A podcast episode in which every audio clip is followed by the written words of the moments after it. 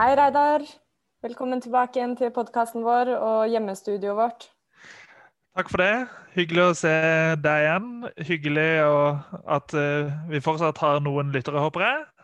Det regner jeg med at vi har. Nå sitter vi jo her i, helt i slutten av eh, januar i det nye året. Og det føles jo ut som at året bare strammer seg mer og mer til.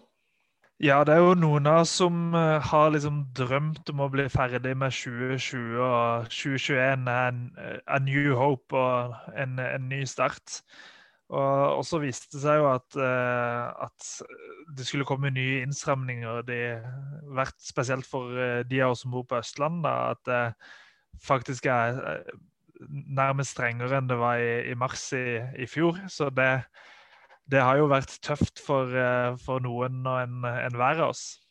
Ja, og ikke minst uh, innstramningen som har kommet på norske grenser. Innreiseforbudet, som jo har vært eh, ganske heftig oppe til debatten siste uka. Absolutt. Og det føles jo veldig rart, og det har føltes veldig rart lenge, at, at det skal være veldig strenge regler for oss som som bor i Norge, samtidig som eh, store selskaper, f.eks. i fiskeindustrien, da, de skal kunne hente inn arbeidskraft eh, som, eh, som det mer eller mindre ikke har vært noen regler knytta til da, når det kommer til smittevern. Og, og, at man nærmest får lov til å reise rett inn i landet uten å ha ordentlige kontroller. Så har det jo blitt, blitt litt strengere med kontroller nå, nå etter hvert. Men så viser det seg jo f.eks. med eh, polakker som eh, er folk som virkelig trenger jobber. jobbe. som, som det, det, er ikke sånn at de reiser til Norge for å, for å jobbe for, for, gøy. Og de trenger jo selvfølgelig pengene, og når de får beskjed om at det har blitt strengere å komme inn i landet, og de, de kanskje er redde for å, å, at de har korona, så, så, så tyr de til desperate handlinger. Og i Polen går det an å kjøpe falske test, eh, testbevis på at du ikke har korona. Og så kommer du til Norge og, og, og viser de, eh, og så kommer du rett inn. Eh, mm. Så det at det, det, har blitt strengere med grenser nå, det er liksom helt nødvendig for å, for å få bukt med, med koronakrisa. Og så er det veldig tydelig at uh, f.eks. Frp, som, uh, som, vanligvis er veldig sånn det de sjøl kaller for innvandrerkritiske, de, uh, de er jo i buksa på storkapitalen, for, for, å si det sånn.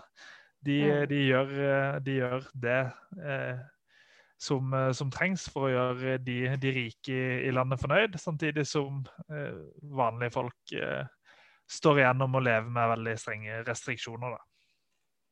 Det er jo paradoksalt at eh, vi sitter i en situasjon med over 200 000 registrerte permitterte og arbeidsledige som eh, ønsker jobb.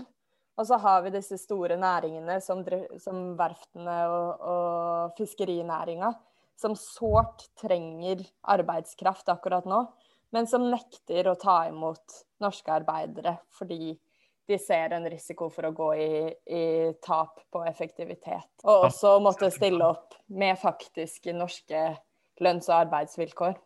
Mm. Ja, det handler jo om, eh, om, lønn og arbeidsvilkår. At, eh, at, eh, norske lønninger er for dyre til at de får de enorme overskuddene de ønsker seg. Så da, da nekter de å, å ansette nordmenn eh, som, som, har lyst til å jobbe f.eks. i fiskeindustrien. Da. Det var et eksempel nå fra en som har eh, hatt eh, lyst til å jobbe eh, med skreifiske. Som har søkt på 16 jobber og ikke fått, fått jobb. Så det på tross av at de trenger arbeidskraft. Så det er helt, helt merkelig. Og det, det viser at hele systemet med med denne frie, eh, frie eh, innreise-utreise-systemet som, som, EØS er.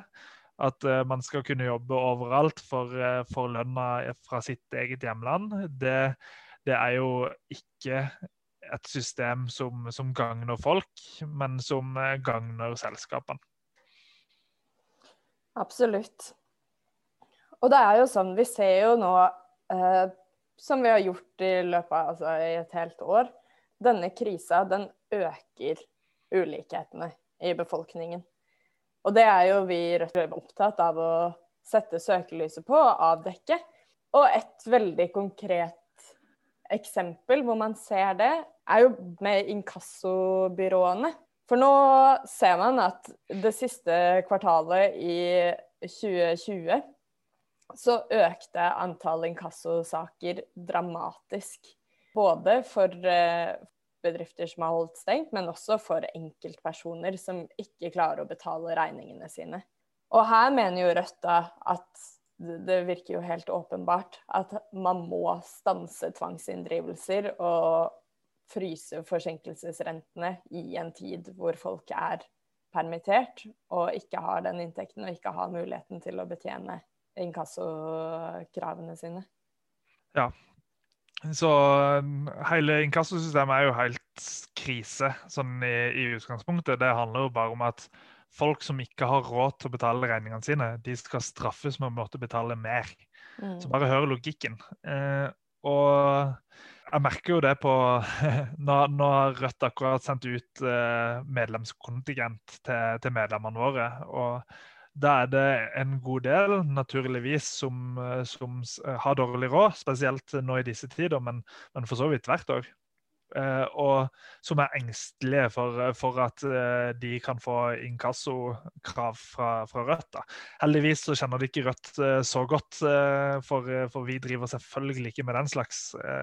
Det er ingen som lar være å betale medlemskontingenten i Rødt som får noen straff for å ikke betale kontingenten. Det, da, da, går det et år, og så er du ikke medlem lenger. Det, det er det som skjer. Men men den redselen, den forstår jeg, fordi dette inkassosystemet er så perverst. Og det bør eh, Inkassobyråer bør forbys. Det er ingen grunn til at de skal finnes. Det er et verktøy som, eh, som eh, private bedrifter har for å kunne, for å kunne skremme og straffe, straffe folk. Og eh, det, det, bør de ikke få lov til. og Eh, det er jo et sånn sirkulært system med, med, at man kan ta opp sånne kredittlån. Eh, kan ta opp lån med veldig veldig høye renter.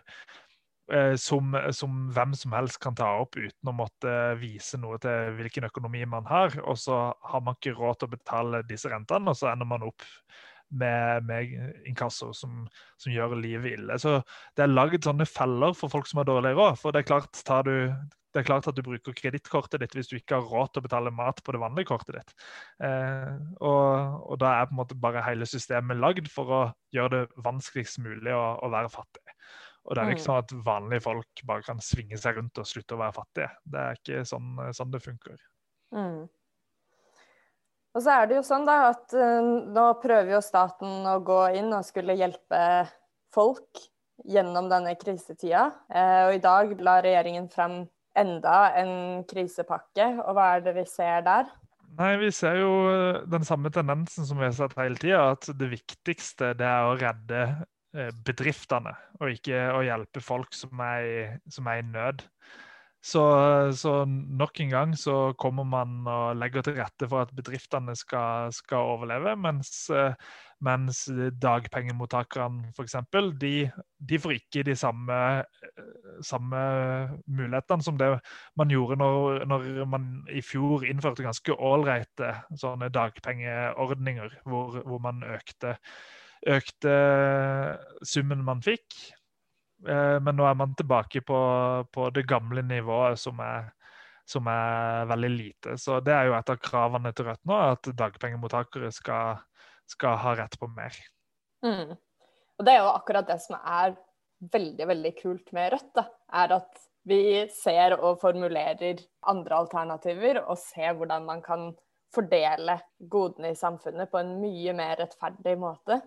Og det er jo litt det denne episodene her skal handle om også, for vi har fått eh, besøk i dag.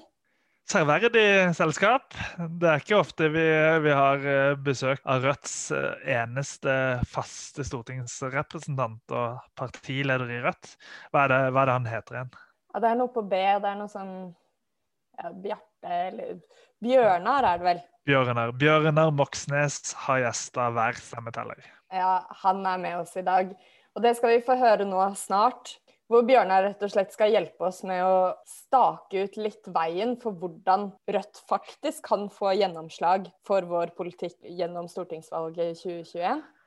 Ja, og Koronakrisa har jo vist at eh, det å få gjennomslag det trengs mer enn eh, mer enn eh, noensinne. For uh, veldig mange har det vanskelig nå. Og, og, da trengs det rett og slett konkrete tiltak for å, for å gjøre livene bedre for folk. Så så det at Rødt kan posisjonere seg for å, for å få gjennomslag eh, etter stortingsvalget, det, det, blir viktig. Og intervjuet vårt var, var veldig morsomt. Eh, Bjørnar var i toppform og hadde mange tanker om, om hvordan vi skal inn og, inn og få masse gjennomslag. Hei, Bjørnar. Så hyggelig at du er med her på podkasten vår.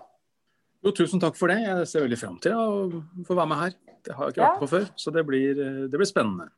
Så bra. Går det bra med deg? Det gjør det. altså. Det er, det er, det er veldig stusslig med ny nedstengning. Eh, det tror jeg alle kjenner på. Eh, men det må til. Og så er det jo sånn at det Rødt har snakka om helt siden i fjor vår, det begynner nå alle å snakke om. Altså behovet for at vi blir mer sjølberga på arbeidskraft. Ikke så avhengig av eh, arbeidskraftimport fra fattigere land. Eh, det å ha en bedre beredskap både når det gjelder liksom, industri og, og, fiskeri og viktige næringer. Det er mye større rom for å snakke om det nå enn det har vært på kanskje 20 år. Så det er jo politisk så er det jo noen viktige åpninger da, som situasjonen eh, skaper. Mm. Du, Bjørnar, du er eh, leder i partiet vårt, og du er eh, vår representant på Stortinget. Og stiller til gjenvalg nå til neste valg. Og vi satser jo på at det blir et rekordvalg, og at du får en hel haug med nye kollegaer. Men det vi er interessert i å snakke med deg om nå, er hvordan skal vi sikre at Rødt får mest mulig gjennomslag for politikken vår etter valget? Ja, Det er jo et godt spørsmål. Det finnes jo både lange og korte svar på det. Jeg tror at jeg kan, eh, altså Kortversjonen eh, av svaret, det er vel to ting. Eh, det er to ting som avgjør eh, om vi får gjennomslag, eller hvor mye vi får gjennomslag for etter valget. Det ene er styrken vår. Hvor mange velgere får vi? Hvor mange i partiet får vi engasjert i valgkampen? Det avgjør hvor mange velgere vi får. Så det er vår egen styrke. Det er det ene. Og det andre som også spiller inn, som er ofte kommentatorer og andre forstår seg på og ikke, ikke, tenker over, men som er viktig for oss, er jo styrken i de folkebevegelsene som ønsker forandring. Mm. De to tingene til sammen er det som avgjør hva Rødt kan få gjennomslag for. Et eksempel på det. Vi eh, gikk en del fram i Oslo i 2015. Nå er det jo snart seks år siden da vi vant tilbake, vant flertall tilbake fra de borgerlige. Og vi hadde en tydelig spissak som var å få stansa velferdsprofitørene. Og det var vårt, eh, vårt hovedkrav inne i forhandlingene med Raymond Johansen og nytt byråd. Det at vi både stilte hardt mot hardt bak det kravet, men også at fagbevegelsen i Oslo gikk ut, gikk offentlig ut og backa kravet vårt og sa dette må Raymond Johansen og det nye byrådet innfri. Det i sum gjorde det mulig for oss å få gjennomslag for en snuoperasjon. Vi ble første kommunen som sa full stans for eh, barnehagebaronene. Vi skal bygge ut alle nye barnehager i fellesskapets regi. Og det var viktig symbolsk, for det var startskuddet for en snuoperasjon som en rekke kommuner har starta på siden. Og som hadde gitt også litt gjenklang inn på Stortinget og gjort at profittfri velferd er blitt og blir en viktig sak. Så vi må aldri glemme at eh, det er ikke bare egenstyrke, men også styrken i folkebevegelsene. Og om vi har tett og godt samarbeid med dem. Mm. Det er ikke så vits, altså, Har du en sterk fagbevegelse, og Rødt ikke har noe med den å gjøre, da hjelper jo lite. Men hvis vi både sentralt og lokalt eh, jobber godt sammen, eh, finner fram til felles krav, lager felles press, så kan vi få til eh, store ting. Og Målet er jo at eh, valget ikke skal bare bli et eh, regjeringsskifte, men at det skal bli et politisk retningsskifte. Og det vil kreve veldig mye av oss og mm. fagbevegelsen og miljøbevegelsen og andre. for å få til. fordi og Husk på det at hvis vi skal for eksempel, da, få mindre forskjeller i Norge, få ned de store klasseskillene, så handler jo det bl.a. om skattepolitikk. Og for å si det rett ut, de rike må betale mer til fellesskapet, som Rødt går inn for. Tror du de vil gjøre det frivillig? Sånn helt bare som gi seg, bare betale i vei og si hurra for det? Naturligvis ikke. Eh, de borgerlige partiene vil mobilisere kraftig mot det. Rikingene vil gjøre alt de kan. De vil hyle opp med at Rødt setter arbeidsplasser i fare, at det kommer til å bli konkursras og blabbedi, blabbedi, bla. Det blir en, kjempekampanje fra borgerligheten for å på en måte sette tommeskruene på Støre og Vedum, så de ikke innfrir vårt krav mm. om en annen skattepolitikk som får ned forskjellene. Det samme på velferdsprofitt velferdsprofitørene, som er svære kommersielle selskaper, både norske og multinasjonale, vil mobilisere alt de kan for å verne profittuttaket sitt fra velferden. Når vi krever også at, eh, at fisken skal tilbake til kystsamfunnene, skal gi eh, grunnlag for bosetting, sysselsetting, framtidstro, eh, liv langs kysten vår framover, så må vi jo ta de kvotene fra noen, da. Og det er jo trålerkapitalen pengesterke redere fra Møre og Romsdal og Hordaland og Aker Brygge, som vil miste svære privilegier. Så på hvert eneste punkt som vi går inn for, som handler om å skape en ny retning for Norge, så vil politikken vår støte mot mektige kapitalkrefter. Mm. Og Derfor trengs det så mye mer kraft. For å få med Støre og Vedum, ikke retorisk, for der er de helt enige med oss, men på praktisk politikk som gjør noe med det, det blir ikke lett, men det er jo jobben vår, da. Å få gjort noe med. Mm. Ja, hvordan kan man gjøre det? Hvordan kan man eh, tvinge Støre og Vedum til å måtte ta hensyn til våre krav og våre ønsker? Det er jo en fordel om, om vi bryter sperregrensa. Altså Om de må forholde seg til en Rødt-gruppe en Rødt gruppe på ti representanter ikke sant, fra hele landet. Det er en fordel, eh, for å si det pent. Eh, at de ikke kommer utenom oss. Eh, og at vi får en helt annen kraft, en, helt, en mye større styrke til å sette ned foten, til å markere politikk, til å kjøre ut kravene våre. Og det gjør vi klart hvis får vi inn ti eller åtte eller ni på Stortinget eller sju. Får vi inn sju, så er det en sjudobling av dagens ja. yrke i Stortinget. I Stortinget. Og det gjør det litt gøyere for deg også, litt mer avslappa og ikke bare være der på tinget? I hvert fall gøyere, men avslappa, det spørs hvis vi blir en del av et nytt flertall. Da tror jeg vi får en eh, ordentlig jobb, for å si det sånn. For da, alt det vi da går inn for, kan bety noe i enhver sak da, for hvilken vei landet tar.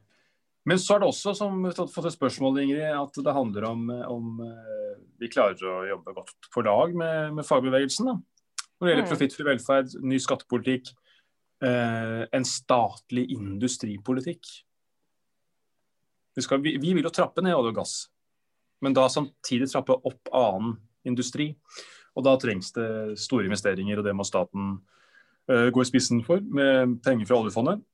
Og vi trenger backing, for, fordi det er et sånn typisk uh, tema. Hvor du har en konsensus, en enighet mellom de store partiene, helt, helt i SV, om at det er fy, fy, fy å bruke noe som helst av oljeformuen på å bygge landet og på å skape industri i Norge som kan også bidra til en internasjonal klimadugnad. De penga skal utelukkende syltes ned på verdens børser. Hilsen Frp, Høyre, Arbeiderpartiet og ut til SV. Mm. Ikke sant, og Podkasten vår den heter jo 'Hver stemme teller'. Uh, og Det handler jo både om liksom, hver stemme når, når, valgdagen kommer, men også om, uh, om hva folk på en måte mener om ting. Uh, og i, i f.eks. spørsmålet om industripolitikk, så, så, er det kanskje ikke folkemeninger representert på Stortinget så mye som, som, man burde vært. Eller hva tenker du om det? Når det gjelder industripolitikk? Ja, f.eks. industripolitikk. Så ofte så er jo Rødt, Rødt, ganske enig i en veldig stor del av befolkninga, mens, mens, resten av Stortinget kanskje ikke er det. Absolutt. Og det jo, det jo det har vi merka i mange saker at vi vi representerer eh, standpunkter som eh, ikke alltid er like godt representert på Stortinget som de kanskje er ute blant folk. da. Eh, og Det tror jeg nok gjelder for, for statlig industripolitikk. Det å bygge landet. Det å lære av måten vi håndterte funn av olje i Nordsjøen på. De ti oljebud. Vi sa, vi, sa, vi sa ikke bare 'velkommen inn' til amerikansk kapital. Vi sa vi skal bygge vårt eget selskap i statlig fellesskapelig regi, Statoil. Og vi skal bruke det som et lokomotiv for norsk industriutvikling. Og for å sikre kompetanse, teknologi og at verdiene tilfaller fellesskapet. Det ble slått ned som stolper og var fundamentet for norsk olje- og etter hvert gasspolitikk. Og Det er vil alle partier og politikere i dag stå og holde festtaler om å hylle. Og så har de ingenting lært når det gjelder å anvende de samme prinsippene, f.eks. når det gjelder mineraler, når det gjelder eh, batteriproduksjon, når det gjelder hydrogen eller havvind. Altså, her skal markedet inn og liksom ordne opp. Eh, som er fullstendig eh, håpløst, og som ikke kommer til å skje. Det kan skje, men da betyr det også at, at gevinsten tilfaller private kapitalister, istedenfor at gevinsten tilfaller fellesskapet. Så det er sånn at, at vi representerer noen stemmer og standpunkter som som ikke andre partier eh, gjør. Og det er viktig også med tanke på valget, at vi styrker oss og gir mer kraft til de stemmene. Eh, også på Stortinget, selv om mye ikke avgjøres her inne, men naturligvis av den kampen som pågår i samfunnet der ute, og hvor sterkt arbeiderbevegelsen står i forhold til eh, kapitalskreftene. Mm. Så det jeg hører du si, er at vi må finne sammen med alle de gode kreftene som er ute i samfunnet, og jobbe sammen. Men la oss si eh, at vi står der da i september, og Rødt er godt over sperregrensa. Og vi har ti representanter inne på Stortinget. Hva gjør man så? Hvordan forholder vi oss til de andre partiene på Stortinget? Og hvordan forholder vi oss til et regjeringsskifte? Hvis vi begynner å tenke på det etter valget så har vi dritt på draget. Da er vi altfor seint ute. Mm. Altså, tro meg, de som, disse andre, andre, partiene de har de planene klare lenge før valget. Arbeiderpartiet, Senterpartiet, SV. Så Hvis vi starter diskusjonen om det etter valget, så blir vi akterutseilt, forbikjørt og, og blir stående igjen på perrongen mens toget har gått. Og En viktig sjanse da, for å få gjort noe med, med Norge, altså for å få en annen kurs, har vi gitt fra oss. Ikke alle muligheter, for det kommer hele tida nye sjanser gjennom en stortingsperiode. Men klart, når en ny regjering skal dannes i Norge, når den skal sjekke om den har et grunnlag, et flertall bak seg i Stortinget, det er en viktig anledning for å få gjennomslag for noen krav som kan uh, forandre Norge i riktig retning. Så det jeg håper er jo at uh, at uh, altså Landsmøtet vedtar jo politikken vi går til valg på gjennom mm. arbeidsprogrammet. Uh, den vedtas jo om en måned bare. Og så må jo landsstyret må jo rigge oss for eventuelle forhandlinger da, om en avtale. Det er jo ikke sikkert vi kommer dit noen gang, at, at, eh, at Støre og Vedum vil forhandle med Rødt om noe som helst. Men vi må jo rigge oss så vi er forberedt i tilfelle det skjer. Alt annet er å ikke ta oss sjøl på alvor, og heller ikke å ta velgerne våre på alvor. Så vi må rigge oss for det. Ledelsen, landsstyret, må definere hvilke saker er viktige å få gjennomslag for, for, Rødt på. Hva kan vi godta, hva kan vi ikke godta. Og så må man da, hvis vi kommer dit, gå i forhandlinger. Fighte alt vi kan der. Eh, få backing som best vi kan fra fagbevegelsen og andre. Og så Hvis det kommer et forhandlingsresultat, så er det da opp igjen til partiets valgte ledelse å vurdere om, om, vi kan si ja eller nei til det. Jeg tror at øh, sjansen for å få en regjering som ikke gir en ny kurs, men som fortsetter i litt saktere tempo, men fortsetter det som har vært tendensen da, i 20-30 år. Større mm. klasseskiller, mer EU-tilpasning, handlingslammelse i næringspolitikken og miljøpolitikken sjansen for det er, veldig, er større hvis de ikke må forholde seg til Rødt, enn hvis de må det. Jeg tror alle Rødt vil nikke til. Vi er en nøkkel for å få dem med på reell forandring. Men hvis de ikke trenger å forholde seg til oss, og bare kan, kan slamre igjen døra, så er det jo lettere for dem som vil ha stø kurs. Det er jo noe som tyder på at kanskje Senterpartiet og, og Arbeiderpartiet er, er, minst mulig interessert i å snakke med oss, eh, for, å, for, å, si det mildt. Og Det var jo kanskje noe vi så også eh, for et par uker siden, når, når du var på Dagsrevyen og, og snakka om nettopp muligheten for samarbeid etter, etter, valget. Så var faktisk ikke Vedum interessert i å, i å kommentere, kommentere, det i det hele tatt. Så på sett og vis er kanskje jobben vår å, å posisjonere oss sånn at, sånn at de, er, de, er, nødt til å høre hva vi har å si. Ja, det handler jo om å gjøre et best mulig valg. Mobilisere partiet. Ta den sperregrensa. Få inn de ti folka. Kom igjen, liksom. Gjøre oss sjøl så sterke at de ikke kommer utenom oss. Eh, og så stå på hardt på krava. Det er jo naturligvis metoden her, da. Men eh, det er en god pekepinn, som du sier, Reidar. Altså, dette her vil jo ikke Støre og Vedum ha. Vil jo ikke det. De vil jo ha helst ha ryggen fri. Og det er interessant, altså fordi Rødt som måtte tro at eh, liksom, situasjonen er at det nå sitter liksom, Vedum og Støre og bare venter på liksom, å binde Rødt til masta med en avtale. Altså, det er fullstendig misforstått. Det de vil ha, er jo minst mulig med oss å gjøre. Minst mulig. De vil slippe å forholde seg til Rødt. Eh, altså et, et, parti til venstre for seg, som altså konsekvent og konsistent og alltid står på lag med arbeidsfolk, med fagbevegelsen, for reell forandring, det er slitsomt å skulle ha en avtale med et sånt parti. Eh, men vi må prøve å komme oss i posisjon til at vi, at vi kommer dit. Eh, og vi har jo sett både erfaringer fra, fra norske kommuner, og også fra andre land, at et, et, en helt sånn fristilt sosialdemokratisk regjering i sentrum vil jo kjøre slalåm i, i, parlamentet. Vil søke støtte til høyre og til venstre for seg. Eh, mens hvis man klarer å binde dem opp på noen punkter, så innsnevrer vi også handlingsrommet for en sånn regjering til å gå til høyre. Eh, hvis avtalen er god nok og, og konkret nok og har klare krav. Mm. Har den ikke det, så er den jo ikke verdt noe som helst. Og da inngår vi jo ikke noen avtale. Verre er det jo ikke enn som så. Jeg vet at du også har sagt at uh, i tillegg til uh, å ha klare og konkrete krav, så er det viktig med tidsfrister. Å ja. Men det er det i enhver sammenheng. Mm. Altså, er det én ting som er det én ting vi ikke trenger mer av norsk politikk, så er det jo, er det jo langsiktige ambisjoner. Altså, tenk bare på hvordan de har lurt folk med klimakuttene sine i årtier. Dette har Jens Stoltenberg sjøl skrevet om i boka si, i selvbiografien sin, og hvordan de på en måte For å unngå å ta grep nå, så bare oppjusterer de ambisjonen og tar den litt lenger fram i tid. Mm.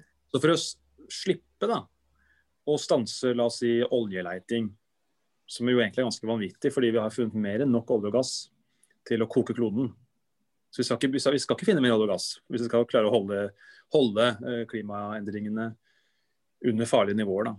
Men Norge investerer jo enorme summer i leterefusjonsordninga. Vi subsidierer leting etter ny olje, selv om vi ikke burde funnet en dråpe mer enn det vi allerede har funnet. For å unnslippe kravet om, eh, om eh, stans i leterefusjonsordninga, så har jo Stoltenberg og Arbeiderpartiet og andre partier nå i regjering bare dytta målet om kutt fram i tid. Først 2020, så 2030, så 2040. Så det, vi trenger ikke langsiktige luftige mål, vi trenger tidsfrister. F.eks. når det gjelder profitt profittfri velferd, at eh, innen en bestemt dato Altså sånn uh, første, i første uh, eh, 2023, liksom. Det får halvannet år på seg. Så skal uh, alle barnehager være drevet av ikke-kommersielle aktører. Så kjedene får ett år på seg til å enten legge om drifta og drive ideelt. Da skal alle, alle penga bli i barnehagene. Hvis ikke de vil det, så får, får de selge barnehagen til kommunene. Så tar vi over dem. Sånn må, en, sånn må, du gjøre det for å få gjennomslag og få, få vedtatt og få reell handlekraft, tenker vi da. For det verste, Bjørnar, eh, utfallet som kan skje i dette valget, det er jo på en måte at vi havner helt på sidelinja og blir irrelevante. Men hva, hva er på en måte drømme, drømmescenarioet etter valget?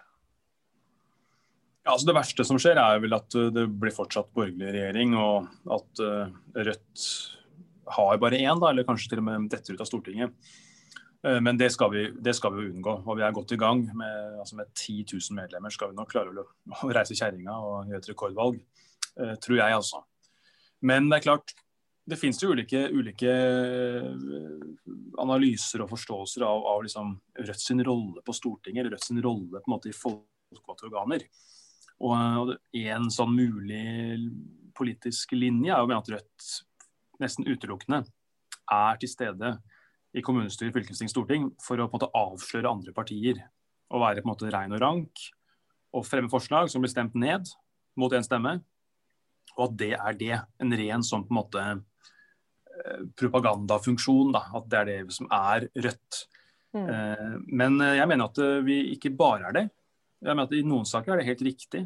Da skal det være sånn at Rødt fremmer forslag som får én stemme i Stortinget.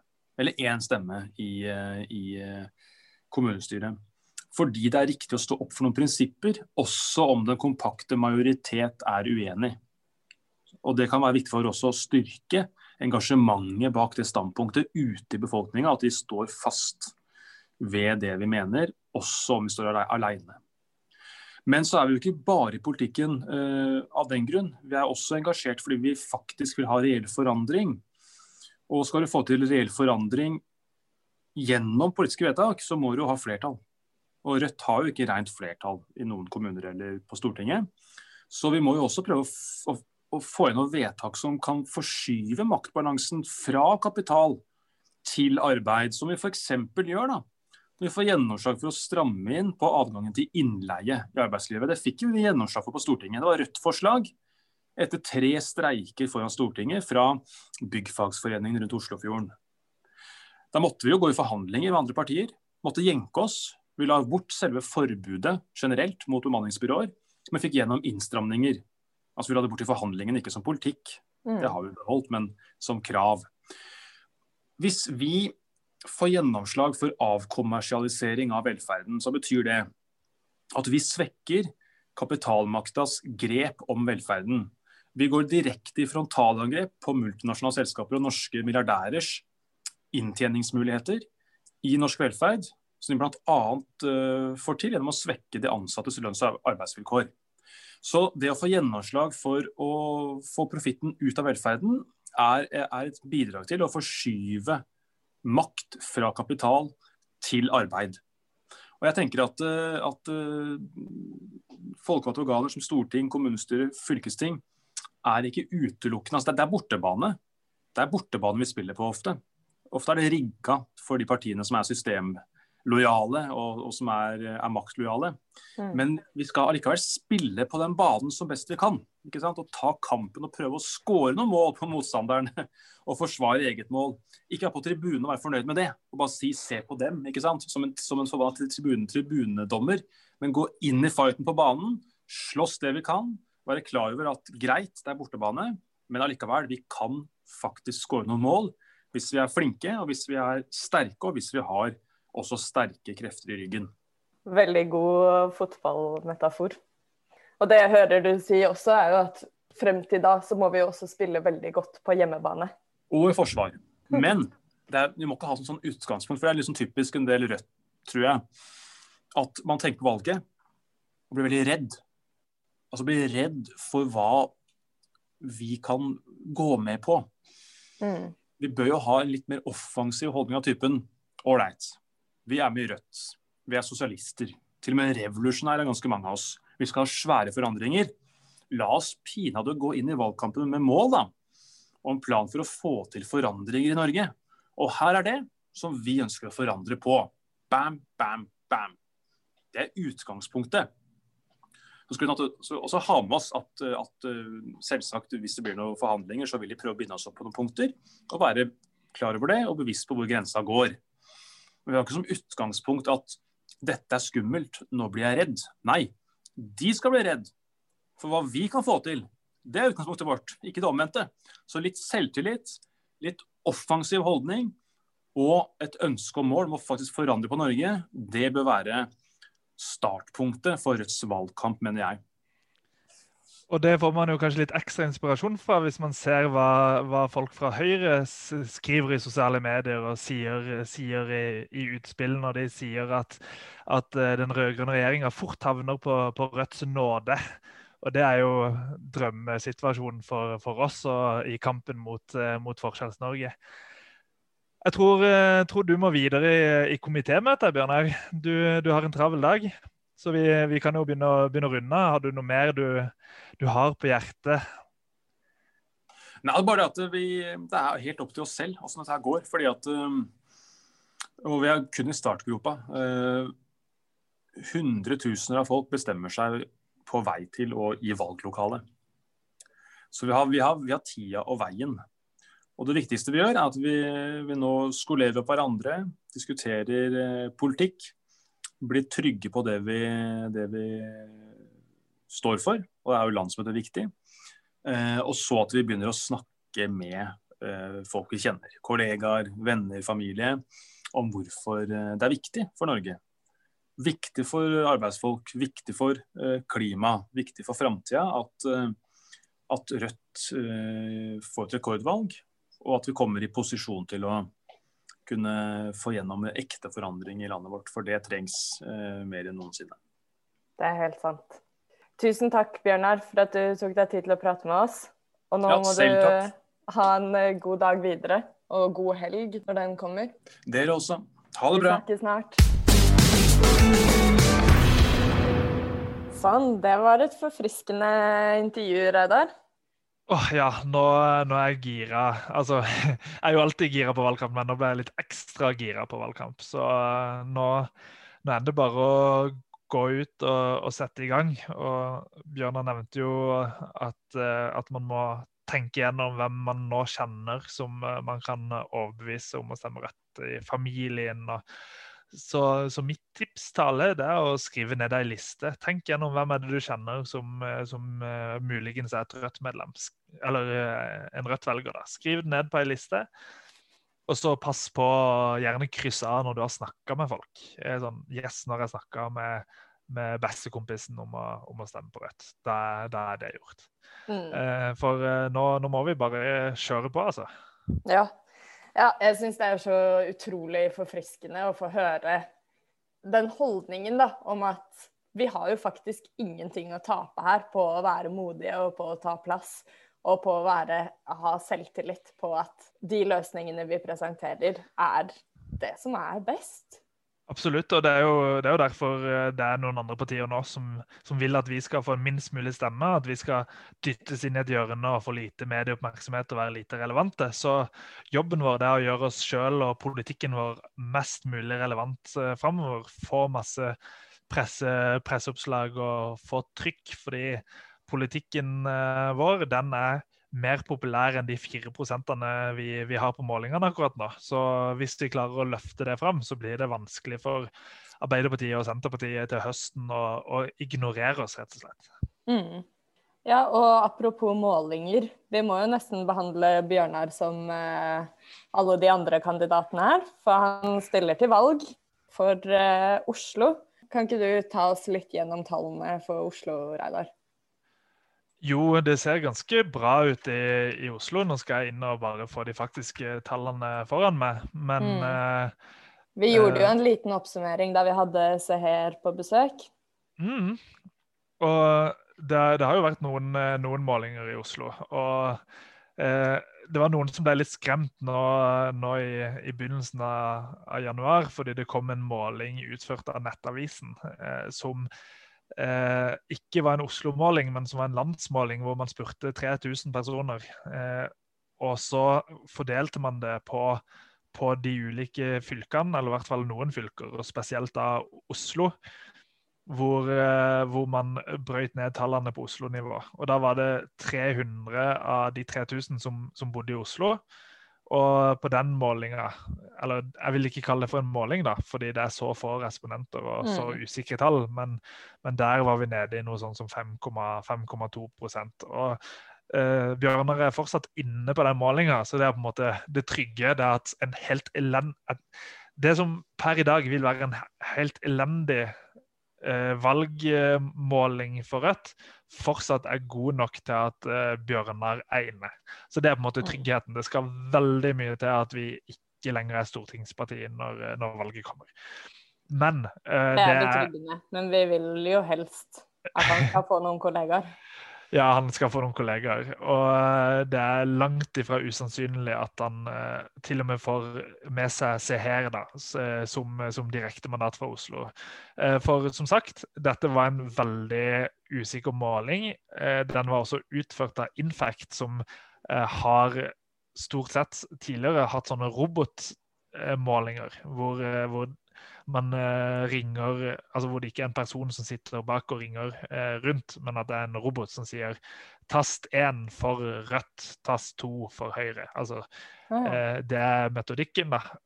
Og de har vist seg å være veldig dårlige i tidligere valgkamper. Så det er veldig usikre tall i den målinga. Jeg vil ikke ta den for god fisk. Og dessuten, nasjonalt så fikk vi faktisk 4% i den målinga. så og jeg skal spise en hatt av skinn hvis, uh, hvis Rødt får 4% nasjonalt og ikke mer enn 5,3% i Oslo. Uh, det, det, er mer eller mindre umulig. Ja, Nå prøver jeg å forestille meg hvordan det er å spise en hatt av skinn. Ja, og jeg er jo vegetarianer, så, så da, da, bryter jeg med mine egne prinsipper og alt mulig. Altså. Så uh, jeg, jeg håper, å, håper, å, slippe det. Men uh, det har kommet én måling til fra Oslo. Den kom 17.12. Uh, mm. Utført av Høyre. Så de har betalt for en egen måling, som så har blitt offentliggjort. Og Det var jo en måling som selvfølgelig gikk bra for Høyre. da. Det gjør som regel uh, det når, når, de offentliggjør disse målingene, så, så, er jo gjerne det fordi de har gjort det bra sjøl. Men det var en god måling for oss. Så der hadde Rødt 7,8% og fikk direktemandat mandat både med Bjørnar og med Seher. Så 7,8 det, det, er jo en oppgang fra de 7,2 som vi hadde i lokalvalget sist i Oslo. Så det vil være et bra valgresultat. Og så håper jeg at vi kan gjøre det enda bedre, men, eh, men eh, vi skal være fornøyde hvis vi får to direktemandater fra Oslo. og så kan vi jo hoppe over til å snakke om, om de nasjonale målingene, for nå er vi mm i slutten av januar. Noen av lytterne hører kanskje i februar. Eh, så da passer det jo godt å gå, ta en gjennomgang av hvordan, målingene har sett ut siste måneden. Eh, og for to uker siden så snakka vi om uh, ståa. og da, da, hadde det kommet noen målinger som så litt sånn mørke ut. Som var nede i 3,3 og sånn. Og jeg passer jo alltid på å si at man ikke må, må, se på hver enkelt måling, men at man må se på tendensen. Mm. Og det er altså, Tendensen det er for oss snittet på målingene hver måned. Og det snittet så ut til å akkurat havne på 3,9 eh, for, eh, for, januar. Eh, som ville bety at vi ikke kan si at vi er over sperregrensa. Eh, men så kom det en eh, ny måling i går, utført av Ipsos eh, for Dagbladet, hvor vi fikk 5,3% på den enkeltmålinga. Og den gjorde at snittet økte, sånn at Rødt i snitt i januar har 4,03% Så da vipper vi akkurat over 4 og får skal vi se, Hvor mange er det da vi får inn på, på tinget? Eh, syv for Vind. Så det, det, er ikke, det er ikke drømmeutfallet. Vi, vi, håper jo å havne høyere, men, eh, men, det viser i hvert fall at vi fortsetter å akkurat ligge over, over sperregrensa. Så har vi, en, har vi, en, jobb å gjøre utover det, da. Men, eh, mm. men eh, vi kan i hvert fall si sånn januar, fortsatt over sperregrensa, men vi må brette opp ermene og, og, nå høyere i, i, februar og mars og hele mm. veien fram til september. Og det speiler jo det at vi fremdeles ligger akkurat over sperregrensa, speiler jo en lengre tendens. Absolutt. Så vi, vi har jo ligget stabilt over sperregrensa på disse målingene. Eh, og så er jo spørsmålet hva folk tenker på valgdagen når de går inn i valglokalet. Og, og, så er det noen som tenker eh, hva er det tryggeste valget? Kanskje er det Arbeiderpartiet hvis de har lyst til å hive den mørkeblå regjeringa.